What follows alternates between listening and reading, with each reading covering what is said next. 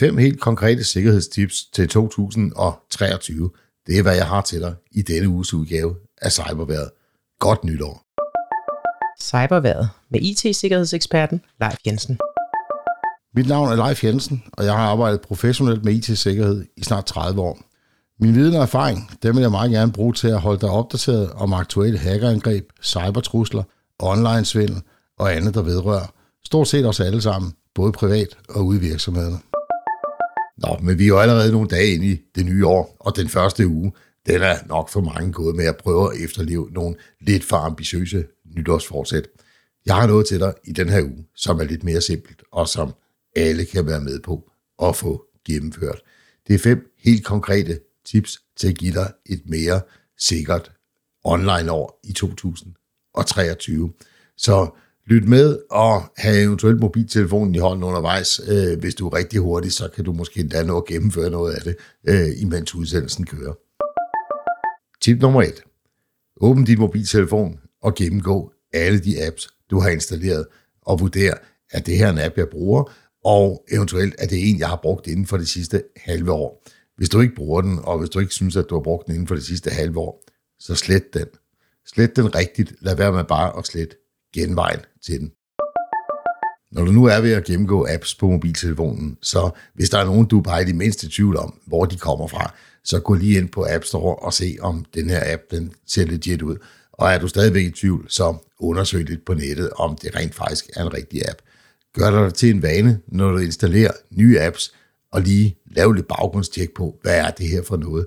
Der findes på trods af sikkerhedsforanstaltninger både i iTunes, eller uh, Apples øh, Store eller App Store, eller hvad den nu hedder, og i Android uh, tilsvarende store, der findes desværre en del falske apps, som udgiver sig for at være den ægte. Og det kan være, at de bare lige har ændret en lille smule på navnet, eller tilføjet lidt til navnet.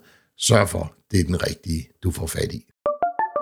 Tip nummer tre, selvom det måske kan være en lille smule kedeligt, så hold øjne og ører åbne for sikkerhedsinformationer. Find dig en god kilde til sikkerhedsopdateringer, som eventuelt ikke er alt for kedelige, og så følg med der.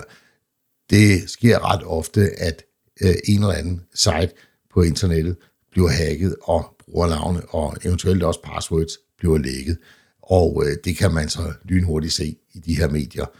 Nogle af stederne i Danmark, som kunne være relevant at holde øje med, det er forbrugerrådet Tænks Mit Digitale Selvforsvar, som er en app, du kan downloade på din telefon.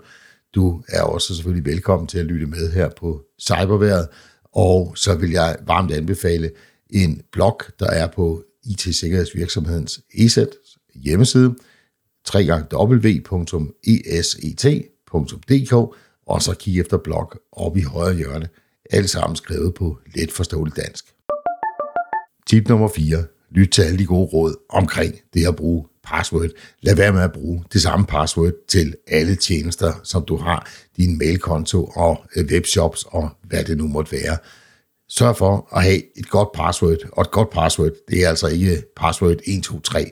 Det er et lidt længere password, og ja, der må gerne være kombination af bogstaver og tal, men det vigtigste er faktisk, at det er et godt langt password, og så selvfølgelig, at det er et password, du kan huske.